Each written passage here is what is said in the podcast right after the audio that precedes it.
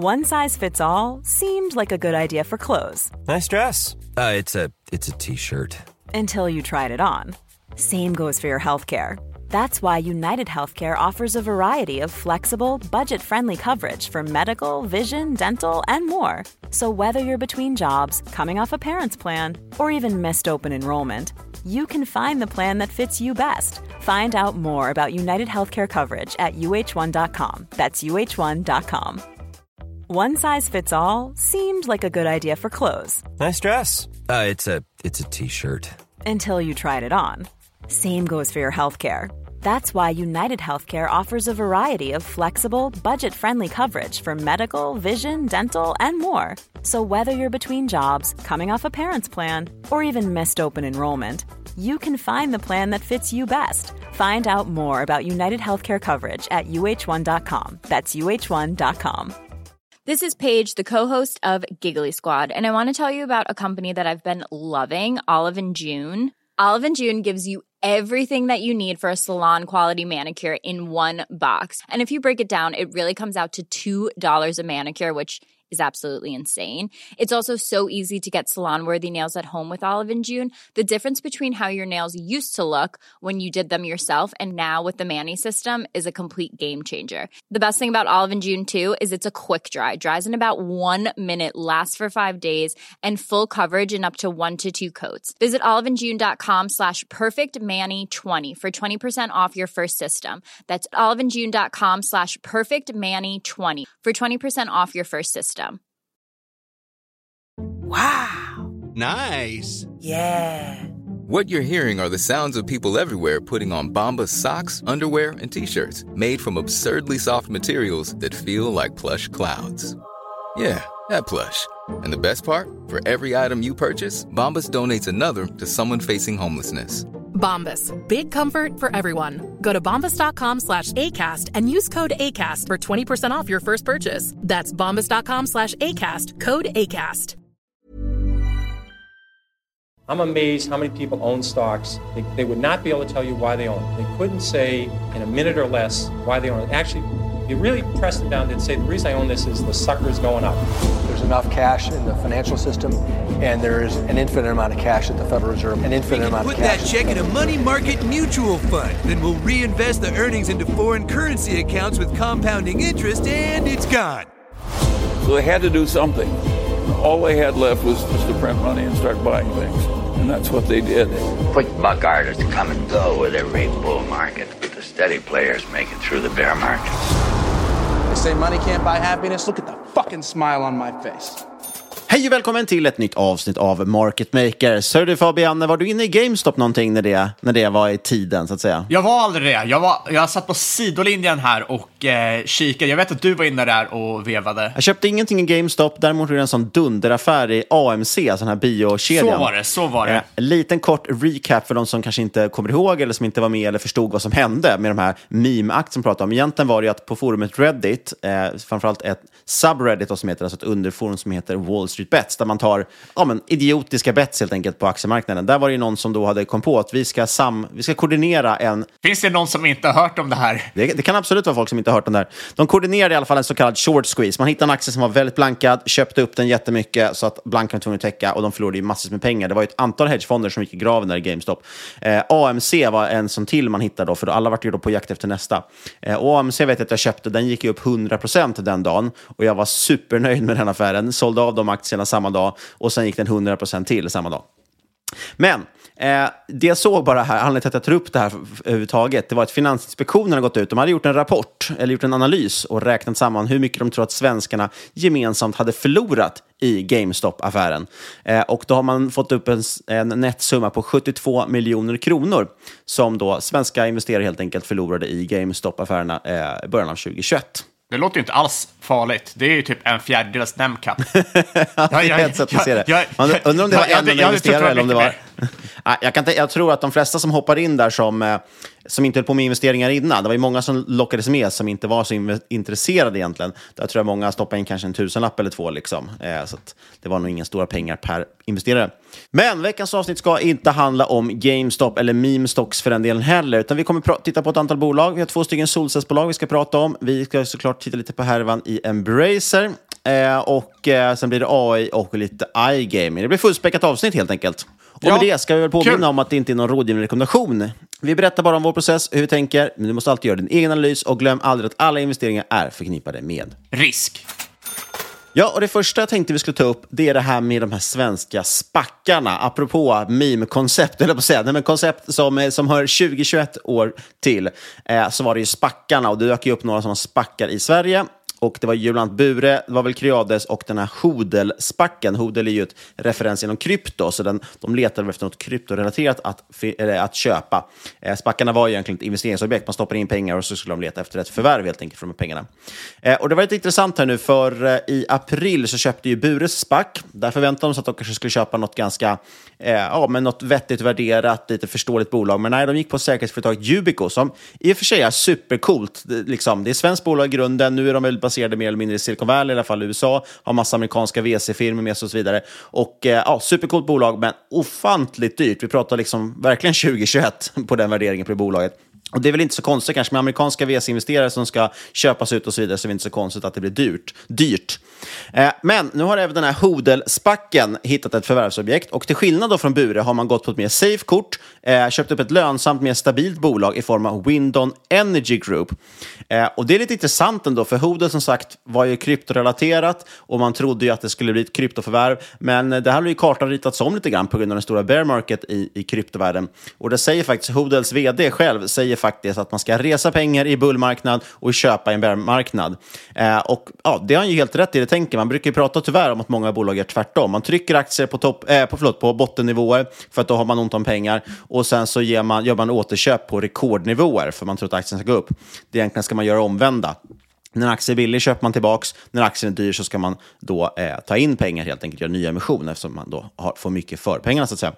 Men det är jätteintressant, så de har faktiskt gått och köpt ett eh, ja, litet lönsamt, stabilt eh, familjeföretag egentligen som håller på med solceller. Och det har väl också synts i kursen lite vad marknaden tycker om det här.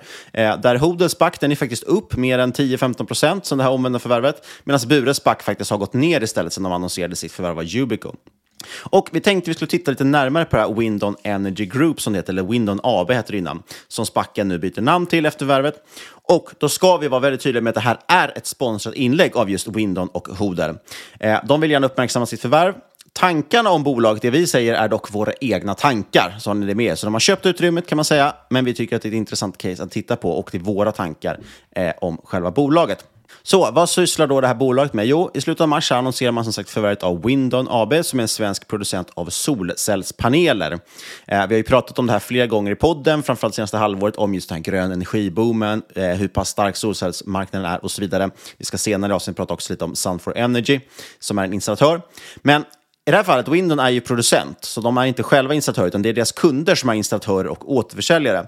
Och det här är rätt bra, för att, som vi har sagt, vi har pratat om det tidigare i podden, med att eh, många av de här installatörerna har haft ett problem med att man har ju sålt, eh, skapat upp en jättestor orderbok för att det har funnits så stort intresse, så leveranserna har legat kanske ett år fram i framtiden. Och under det här året då, när det liksom man har stått och väntat på sin leverans av solceller, så har priserna skenat.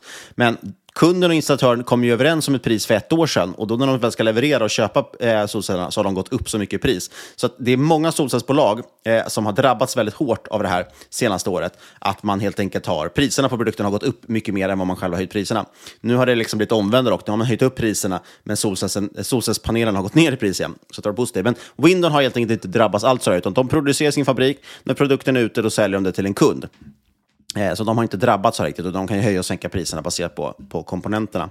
Eh, något annat som också har gynnat dem en del, det är att de är, det är nersourcade komponenter till stor del och de är eh, producerade här i Europa, eh, i Baltikum för att vara exakt. Det är ett svenskt bolag, men produktion i Baltikum. Eh, man köper in högkvalitativt cheese från Taiwan. Eh, så att man skippar ju ändå väldigt mycket av de här ESG-problemen som finns i Kina, där de an- flesta andra tillverkar sina solceller. Vi har ju pratat om det, att det är, kol, det är kol, kolkraftverk som i princip är som driver energin i de här solcellsproduktionsbolagen i Kina och tyvärr ofta också eh, i princip slav, slavarbetare i form av de här uigurerna då, som är förföljda i Kina. Ja, ski skippa Eh, gör man de här väl... problemen slipper Windon. Nej, det håller jag nog inte med om med tanke på att alla måste ju sourca stor del av materialet från Kina ändå. Ja, men de köper in sitt kisel från Taiwan och det är väldigt få. Det är någon, någon del i de här komponenterna som de tar från, från mainland China så att säga. Men annars är det från Taiwan och från andra delar. Ja, men det betyder inte att det inte har... Det har vi pratat om tidigare, att det kan ju fortfarande gå igenom Kina även om slutet så köper från till exempel Taiwan. Så kan det vara. De, de drar kanske en del av de här problemen, men i stort så är det ändå så att de producerar det sen också, slår ihop solcellerna i, i Baltikum också. Så jag skulle ändå säga att det är i alla fall en, mer ESG än vad eh, de flesta andra solcellsleverantörer är, får man ändå säga. Eh, och det är nearshoring, så att de drabbas kanske inte lika hårt, har de gjort av covid-nedstängning och så vidare. Och som vi vet, som sagt sen tidigare, solcellsbranschen, eller grön energi överlag, eh, är i något av en bullmarknad. Energipriserna skenade ju förra året och priserna på solcellerna har de senaste åren minskat drastiskt, eh, vilket har gjort att man fått väldigt hög efterfrågan och det drivs även på av EU som har då också flera initiativ och beslut som driver på utvecklingen ytterligare. Till exempel nu har man ju framåt här ett, ett ett krav på att hus som byggs ska ha solceller vid nybyggnation och så vidare. och Så vidare. Så att väldigt mycket saker som talar för det här. Samtidigt, vi kommer komma in på det sen, Någonstans måste ju 2022 varit åtminstone en kortsiktig topp för solceller, för det var helt extremt. Och vi har en nybyggnation som minskar av kraftigt eh, och det är inte alls lika lönsamt om vi hittar i Sverige specifikt, men det gäller ju generellt lite grann i världen, att det inte alls lika mer attraktivt attraktivt längre att, att finansiera till exempel solceller med eh, sitt bolån. När man hade ränta på 1 och sen hade man kanske 10% avkastning på solcellerna, då var det ju sjukt lönsamt att eh, göra den dealen. Eh, men idag kanske inte det är riktigt lika lönsamt. Men vi har fortfarande en stor, stor orderingång. Vi kommer eh, återkomma till det. Eh, Lite historik kort kan man nämna. Lennart Carlsen var den som startade bolaget. Han höll först, för, först på med vindkraftverk till stor del, men sen började man utveckla den här solcellsdelen i bolaget 2009. Eh, och han har jobbat väldigt hårt för att få fram produkter som klarar av det krävande svenska vädret, så det är ganska Sverige-specifikt, eller Norden-specifikt ska vi säga. Eh, och dessutom har han själv erfarenhet av montering av solceller, vilket gjort att han, ja, men han har en, en teknisk know-how, liksom, hur går det till i praktiken? Och det har också gjort att man har då vidareutvecklat ett patenterat system för enklare montering av Windows solceller. Då. Eh, vi har ju svårt som lekmän att avgöra eh, liksom, teknikhöjden och så vidare i det, men det låter ju lovande och de har ju ja, en bra kundlista helt enkelt. Eh, och sen jobbar man också med kringprodukter eh, som man dock sourcar från annat håll, till exempel växelriktade. Eh, man jobbar framåt också med att, att börja plocka in kringprodukter som batterier och elbilsladdare, som ju många kunder efterfrågar. Eh, och då agerar man i det fallet så här mellanhand egentligen, drar nytta av sitt kundnätverk och så blir man en form av grossist eller återförsäljare och plockar en liten marginal däremellan. Då. Eh, och även den sektorn sagt, gynnas starkt av EU, eh, EU-initiativ, men också svenska initiativ, till exempel de här skatteavdragen för grön energiinstallationer och så vidare. Eh, och tittar man då på förvärvet, som sagt, så att bolaget är ganska enkelt att förstå, det är dessutom ganska litet. Eh, inte så jättekomplicerad liksom, business egentligen att sätta sig in i. Då blir det intressant vad man då betalar för det. här. Vad är det egentligen för värdering på bolaget och vad betalar man för förvärvet? Eh, och tittar man då på det omvända förvärvet av Windon så betalar eh, Hoodle totalt 46 miljoner kronor för förvärvet. Hälften betalas kontant till grundaren, alltså Lennart Karlsson, och resten är nyemitterade aktier. Då. Och totalt kan man säga att eh, 35 procent av den här Hodelsbacken ägs nu av Windons tidigare ägare. Eh, därav då vd Henrik Karstensen äger 12 procent av det här nya bolaget. Eh, en liten tråkig punkt här tycker jag, det är att Lennart Karlsson han lämnar bolaget, alltså grundaren. Eh, dels är han inte lika stor ägare längre, men han försvinner också som anställd, men kommer finnas kvar på konsultbasis under tre år. Exakt vad det innebär är ju svårt att avgöra. Eh, som jag har, bilden jag har fått uppmålad för mig, egentligen när jag har pratat med dem, är att Lennart är väldigt mycket en, en teknik, liksom. Eh, teknikfokuserad, har varit väldigt viktig för att driva fram de produkterna, men kanske inte den som är säljare eller vd, liksom, att vill driva bolaget på det sättet.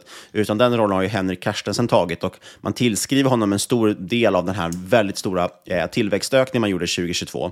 Eh, för att han sagt är mer mot säljarhållet och han har, är en av de som har drivit på att gå från liksom, utvecklingsbolag, teknikbolag till att mer jobba med försäljning och tillväxt. Eh, men det måste man ju ut, utvärdera på lite längre sikt eftersom 2022 också var ett exceptionellt år.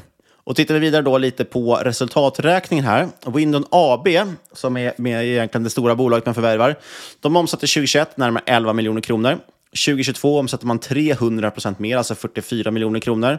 Så det var det jag pratade med, att 2022 var väldigt exceptionellt, man växte väldigt snabbt. Eh, men den tillväxten ser faktiskt ut att hålla i sig, för under första kvartalet 2023, som är de senaste siffrorna vi har, då omsatte man 24 miljoner, alltså mer än hälften av hela förra årets omsättning. Och på sista raden, man är ju lönsamma som sagt. 2021 gjorde man en halv miljon i vinst. Det är ju ganska blygsamt, men 2022 tiodubblar man det till 6,6 miljoner kronor. Eh, och under första kvartalet nu 2023 gör man nästan 4 miljoner i vinst, alltså två tredjedelar av helårsresultatet. Eh, det tycker jag är grymt starkt.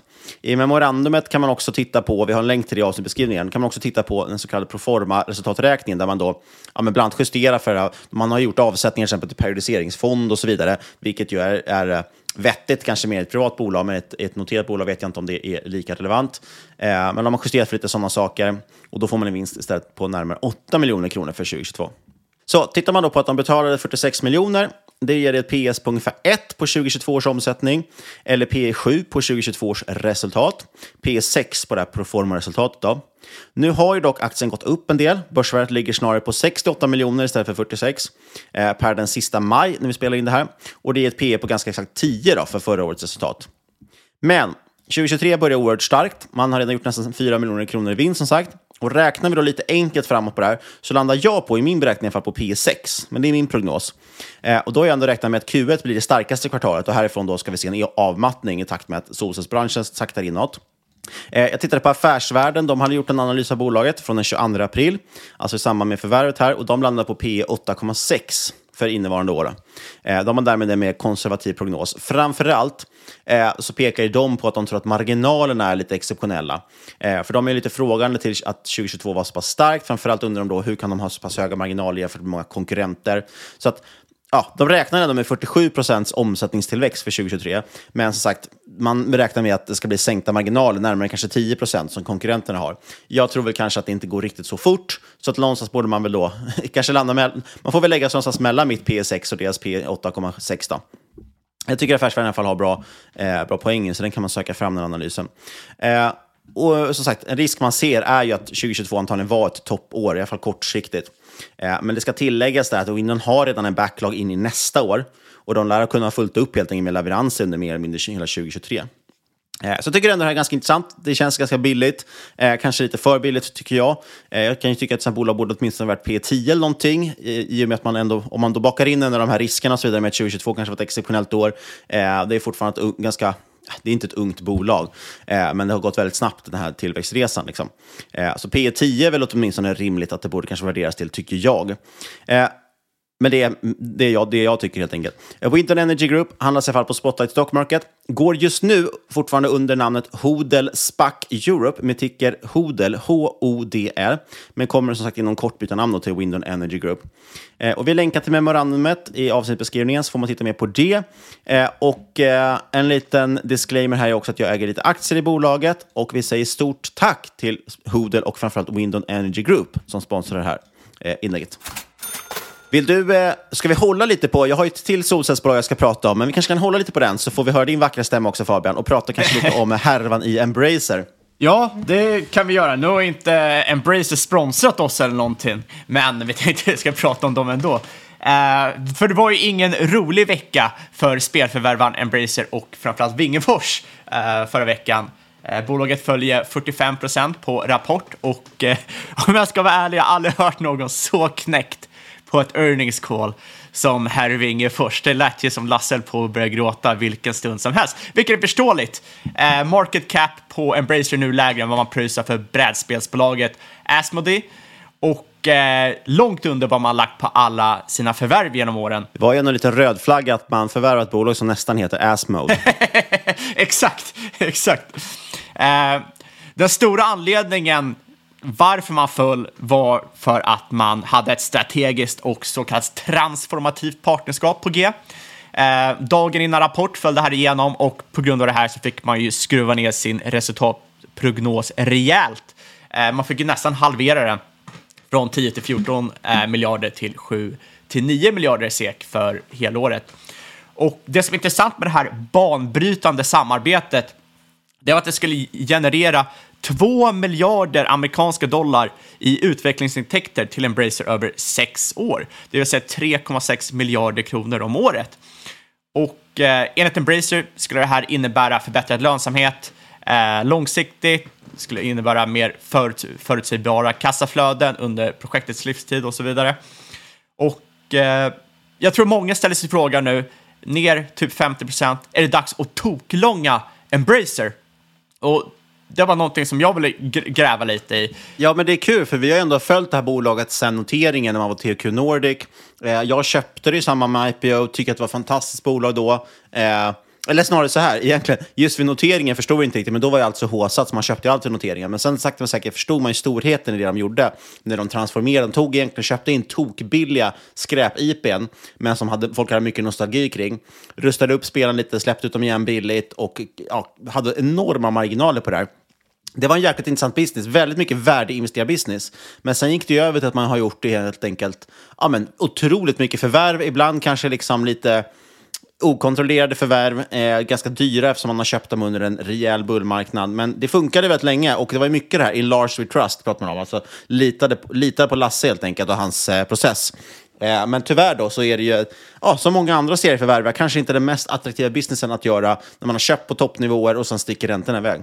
Exakt. Men jag har också tänkt samma sak, nu när den har eh, mer än halverats aktien. När blir det egentligen värt att eh, börja titta på det här bolaget? Men det är lite, för mig, jag har lagt den, nu ska vi spännande höra vad du säger, men eh, personligen har jag lagt den lite i den här too hard-högen som Charlie Munger ofta pratar om, att är bolaget för svårt att analysera, äh, strunta i det, det finns andra bollar att slå på.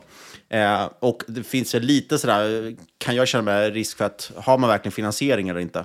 Eller behöver, har man behov av finansiering framåt egentligen? Ja, exakt. Och det pratar vi om i avsnitt 273, att det är lite too hard-bolag.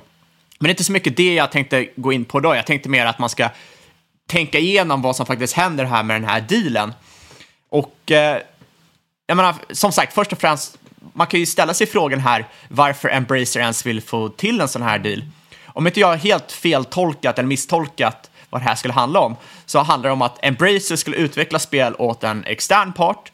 Eh, den externa parten tar på sig både risk men också reward och i utbyte får Embracer ett stadigt kassaflöde.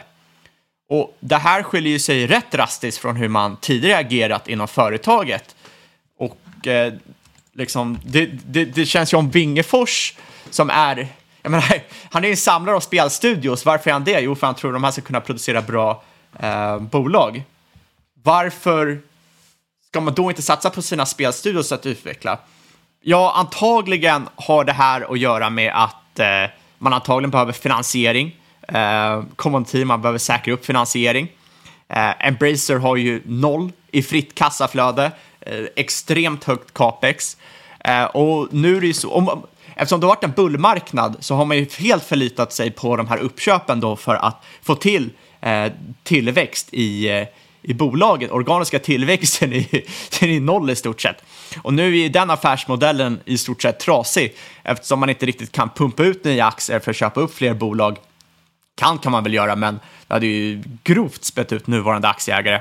Så jag, jag tror väl att det är det man kan ta med sig här, att anledningen varför Embracer vill ha den här dealen, eller vill ha den här dealen, är för att de behöver pengar nu. Och eh, nu, eftersom de inte får pengar nu så måste de ta till ett, liksom, en, en annan lösning. Och sen kan det ju liksom så här, vad kan de göra istället nu om de behöver pengar? Ja, antingen nedskärningar. Eh, det behöver inte nödvändigtvis vara negativt för bolaget, Zuckerberg-style. Jag menar, ja, Facebook bottnade ju som alla andra techbolag där i hösten 2022, men en stor del av anledningen till deras stora återhämtning var ju för att Zuckerberg insåg ju fan vad kul det var att sparka människor. Och han har ju gått på en rampage och börjat sparka ut människor. Um, så det var inte nödvändigtvis vara negativt. Nyemission, sätt att ta in pengar, hade ju varit fruktansvärt.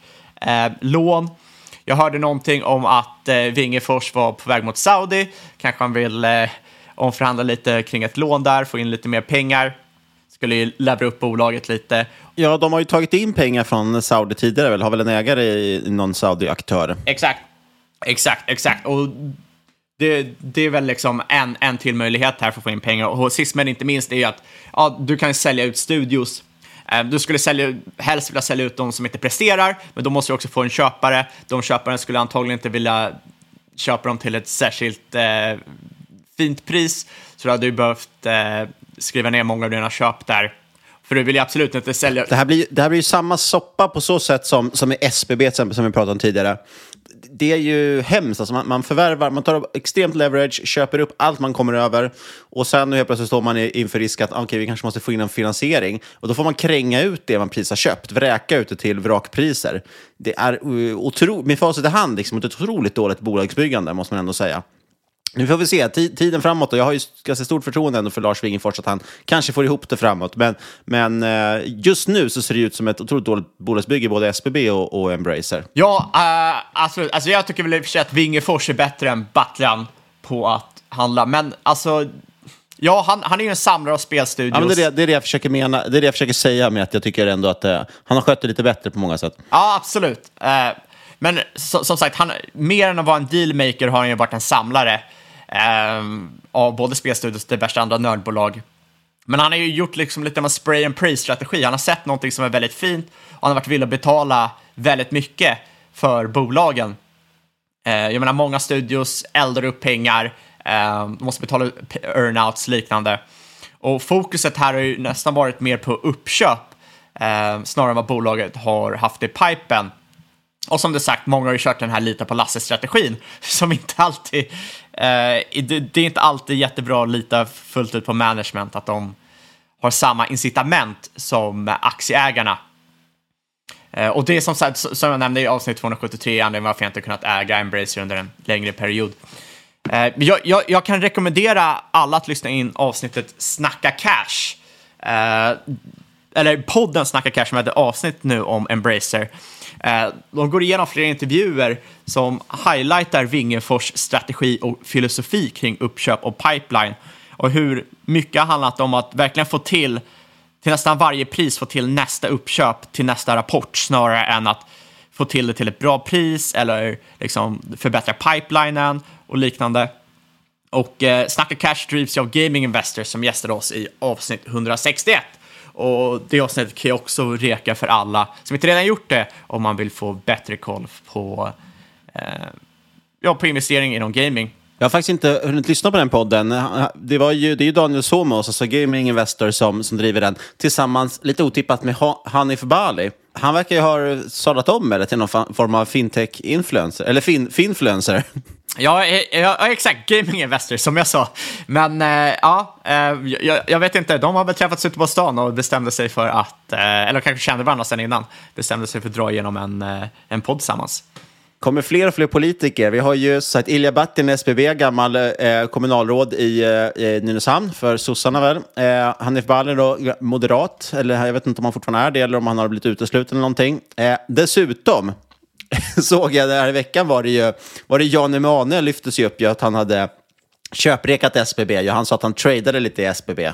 Exakt, och så har du Niklas, Vänsterpartiet. Exakt. Ja, alltså summa summarum, alltså det är att, ja, det, det kanske är lägre nedsida i, i Embracer nu, men det är som du säger, det är väldigt svårt att se framtiden. Det är, det, det är väldigt hög osäkerhet på framtiden, vilket är positivt i och för sig, Eh, för det är då marknaden brukar felprissätta saker.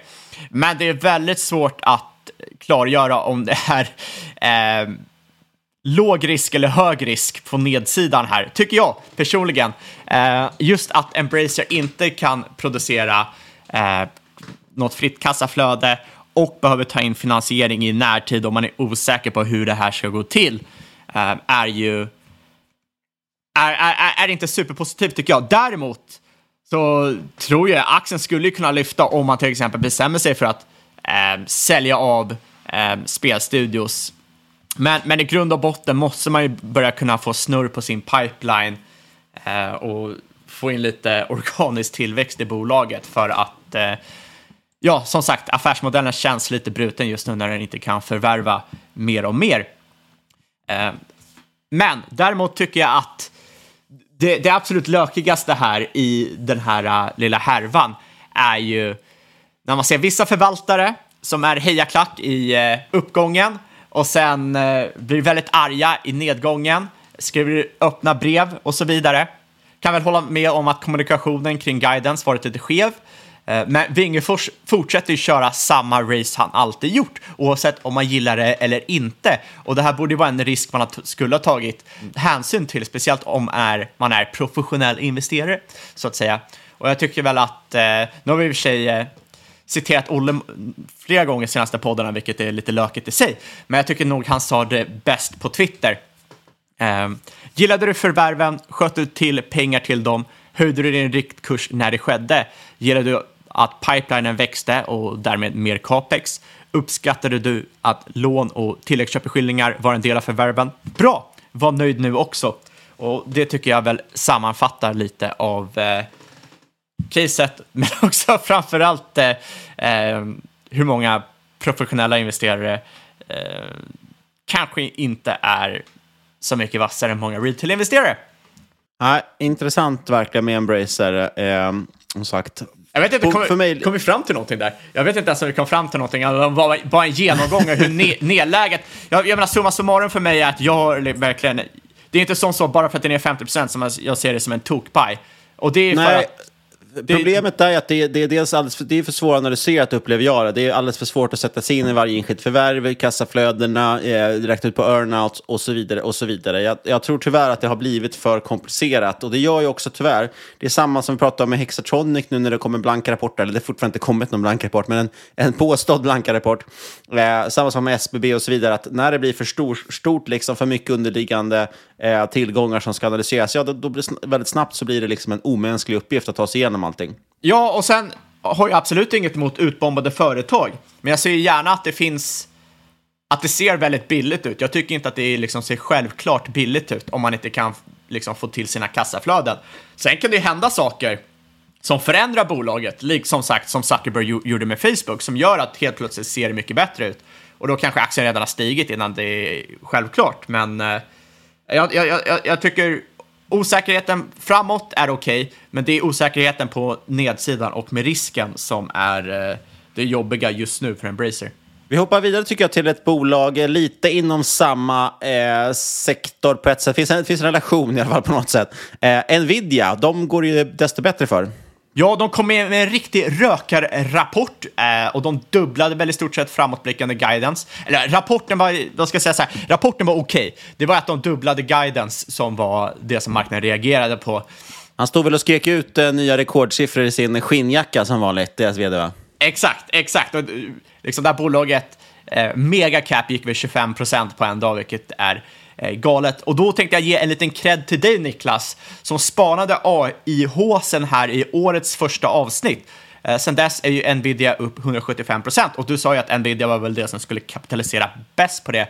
Så jag hoppas att du eh, har glidit med AI-håsen här. Nej, tyvärr inte. Jag vet inte vad jag tänkte riktigt, men det, det kändes lite för first level. Det är ofta så att det känns som att det här är lite för enkelt för att vara sant. Eh, och Nvidia var ju ganska dyr redan då, men nej, det spelar ingen roll. De, de pushar upp den ändå. Den har gått eh, galet bra. Och det är väl, kan väl summera det snabbt bara för de som inte vet. De gör ju, gör ju eh, chip, framförallt grafikkort är den stora grejen. Och det man kom på att de här grafikkorten och det finns även specialutvecklade såklart chip för AI. Men att GPU idag, som det heter, grafikkorten, är ju väldigt bra för AI. Så kan man väl väldigt, väldigt, väldigt förenklat förklara caset i Nvidia, varför det har blivit så upphaussat. Så de drar ju verkligen nytta på den här AI-håsen som finns. Ja, och att det var dyrt, det gjorde ju att självaste Cathy Woods dumpade sitt Nvidia-innehav i januari. Och det var ju strax innan AI-håsen drog igång på riktigt. Så fondförvaltaren som min, av alla i hela världen som minst bryr sig om värderingar, hon dumpade ett innehav på grund av för hög värdering och sen drog den 175 procent. All, alla kan ju ha fel, men det är ju väldigt, väldigt tråkigt att eh, få fel på det sättet. Eh, speciellt när man varit en stor förespråkare för just AI. Kan vi säga alla kan ha fel, men få kan ha så mycket fel som Cathy Woods på Ark Invest. Eller som, som Ja, eh, själv är jag lite irriterad för det här är ju första bubblan man har missat sedan vi startade podden. Annars känns det som man har lyckats rida på många bubblor. Eh, det kanske inte är någonting man vill skryta om, vad vet jag, men det, det, det, det har betalat bra i alla fall. Eh, sen att AI är liksom lite av en bubbla just nu kan man nog de flesta hålla med om. Eh, att AI kommer förändra mycket, ja absolut. Det betyder ju inte att aktierna inte kan vara i en kortsiktig bubbla. Nvidia använder ordet AI 52 gånger i sin pressrelease, över 100 gånger i sitt earnings call. Det brukar vara ett tecken på att eh, det, det är en bubbla. Man såg ju samma sak för till exempel krypto, när det, varje gång det har varit som hetast, eller vad det nu kan vara som har eh, varit bubbligt.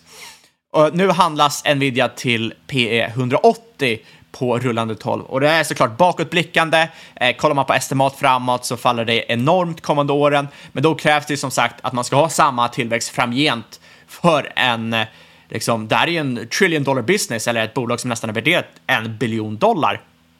Och då tänker man ju såklart, ja men Apple gick ju från en biljon till flera biljoner. Ja men skillnaden på Apple var att eh, det gick från typ P15 till P30.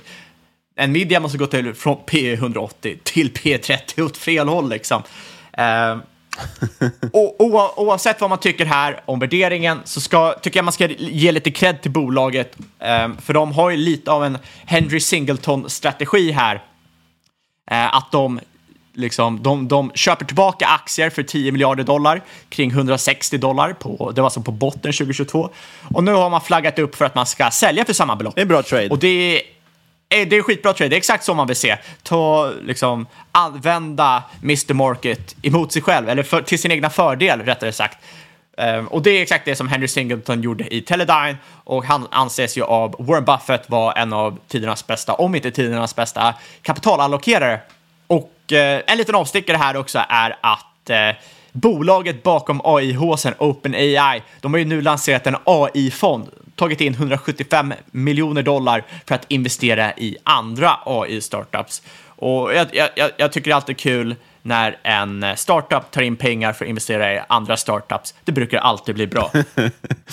en liten eh, annan avstickare också. Det noterades ju för några, två år sedan var det väl nu, det här bolaget C3.ai i, i, vad heter det, i USA också, som har just ticken AI och de har ju också dragit rejält fart på den här håsen. Den är ju upp nästan 300 procent eh, sedan årsskiftet, den aktien.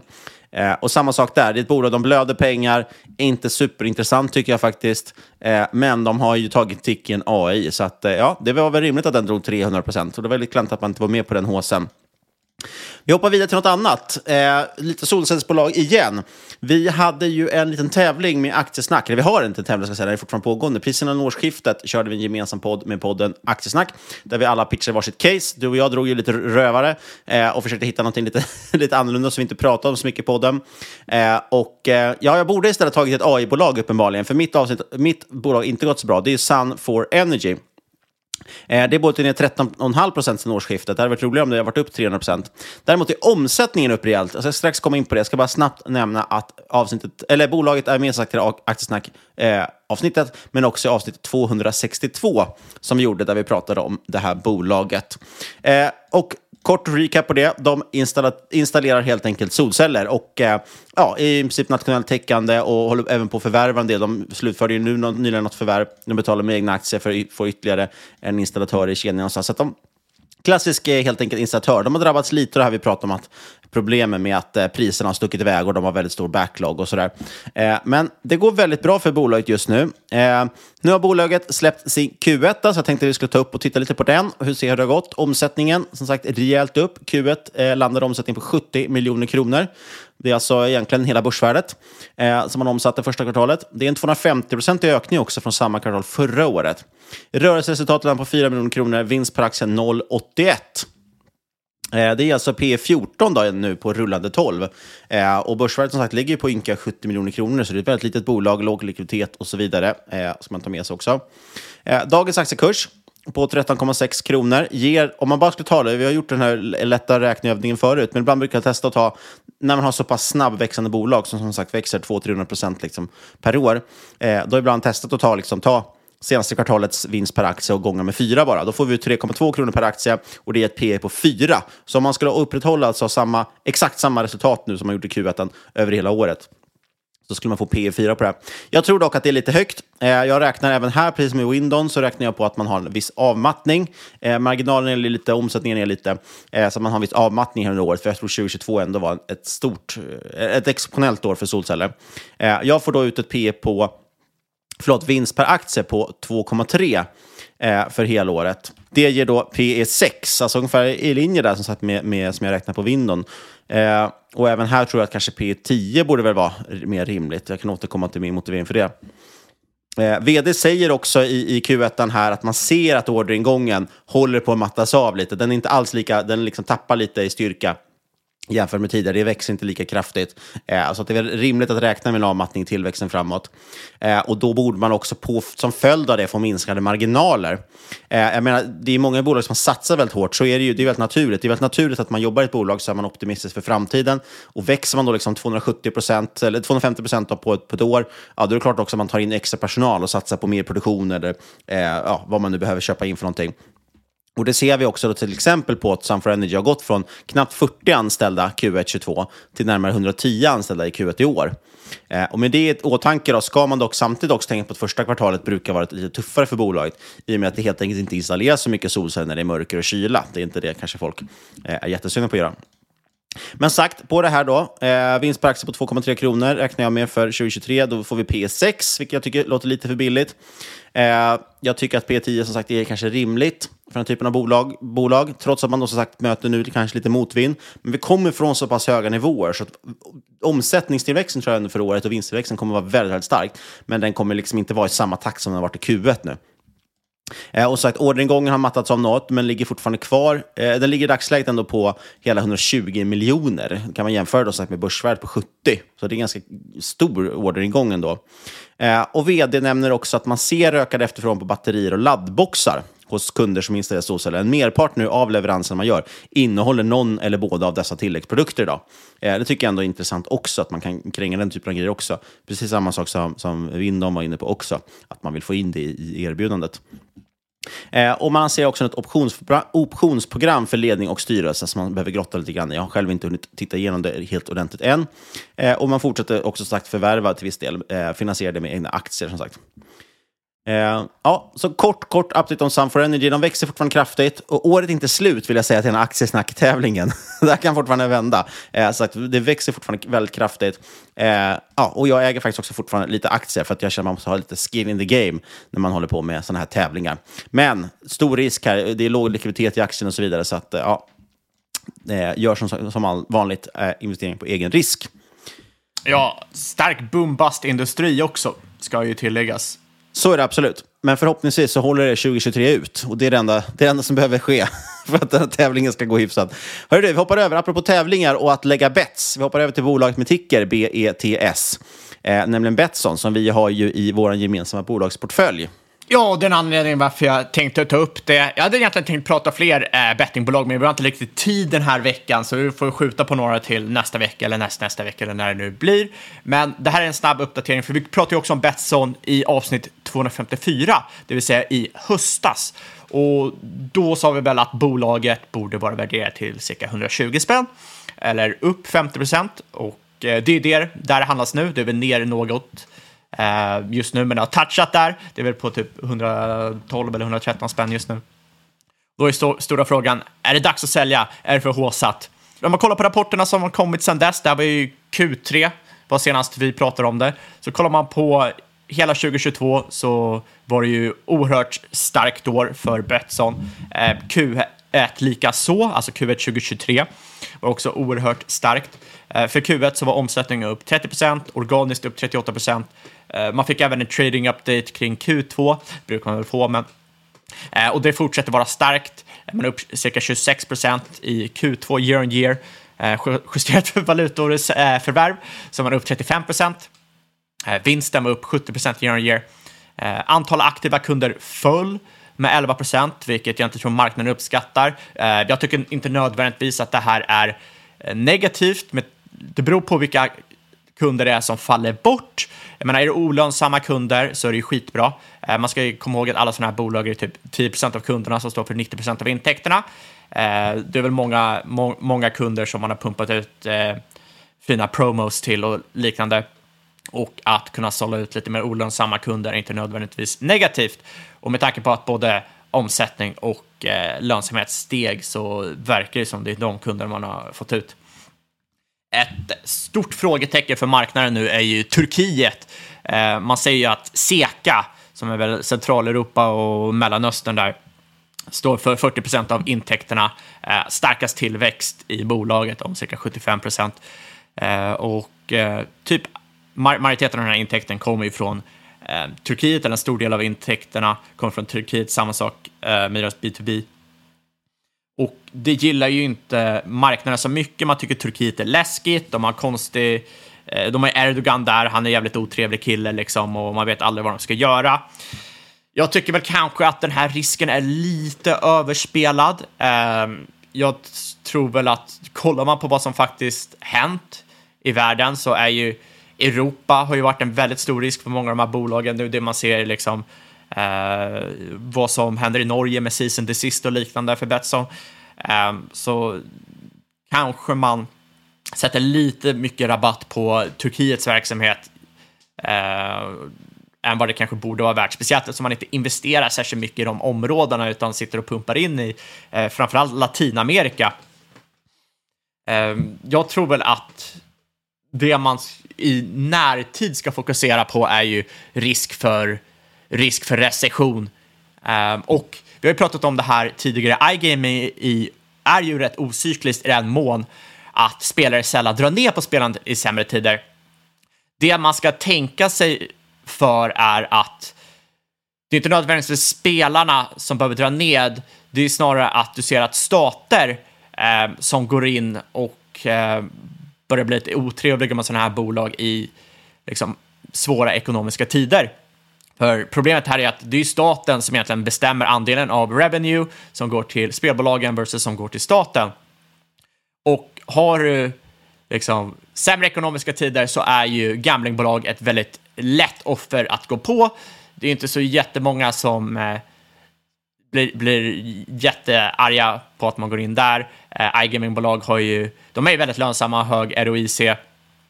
Så staten kan ju, om de behöver, dra in mer intäkter till sig själva genom att liksom, försämra splitten till bolagen i stort sett.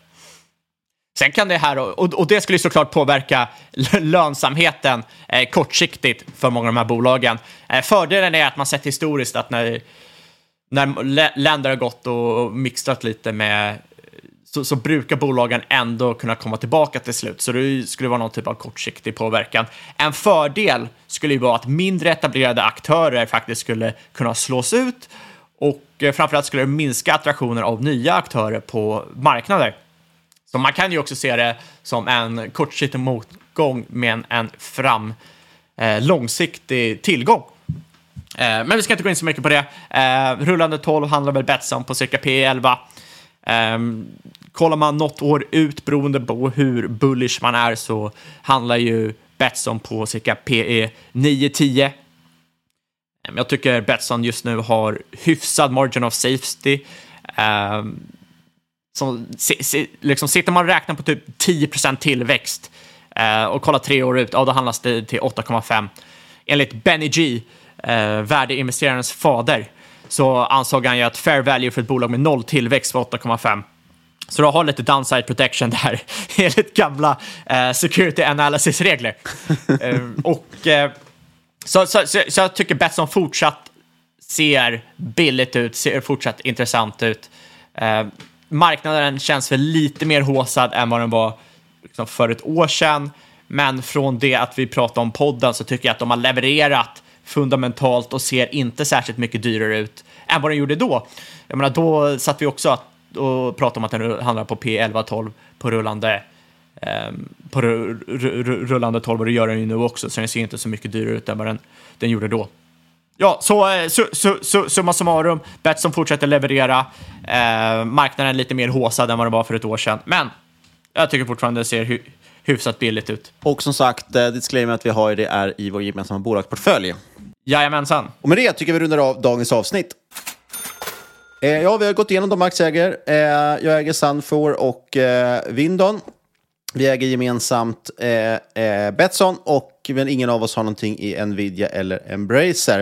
Eh, eller GameStop för den delen. Oavsett vad vi äger eller inte så ska du komma åt att inget av den här podcast ska ses som rådgivning. Alla åsikter våra egna, eller gäst och eventuella sponsorer tar inget ansvar för det som sägs i podden. Tänk på att alla investeringar är förknippade med risk och sker under eget ansvar. Vi vill rikta stort tack till veckans sponsor som är just Windon Energy Group och eh, Hodelsbacken där. Ja, och kontakta oss på podcast at marketmakers.se eller på Twitter och eucaps at marketmakerspod och lämna gärna en recension på iTunes. Och sist men absolut inte minst, kära lyssnare, stort tack för att just du har lyssnat. Vi hörs igen om en vecka.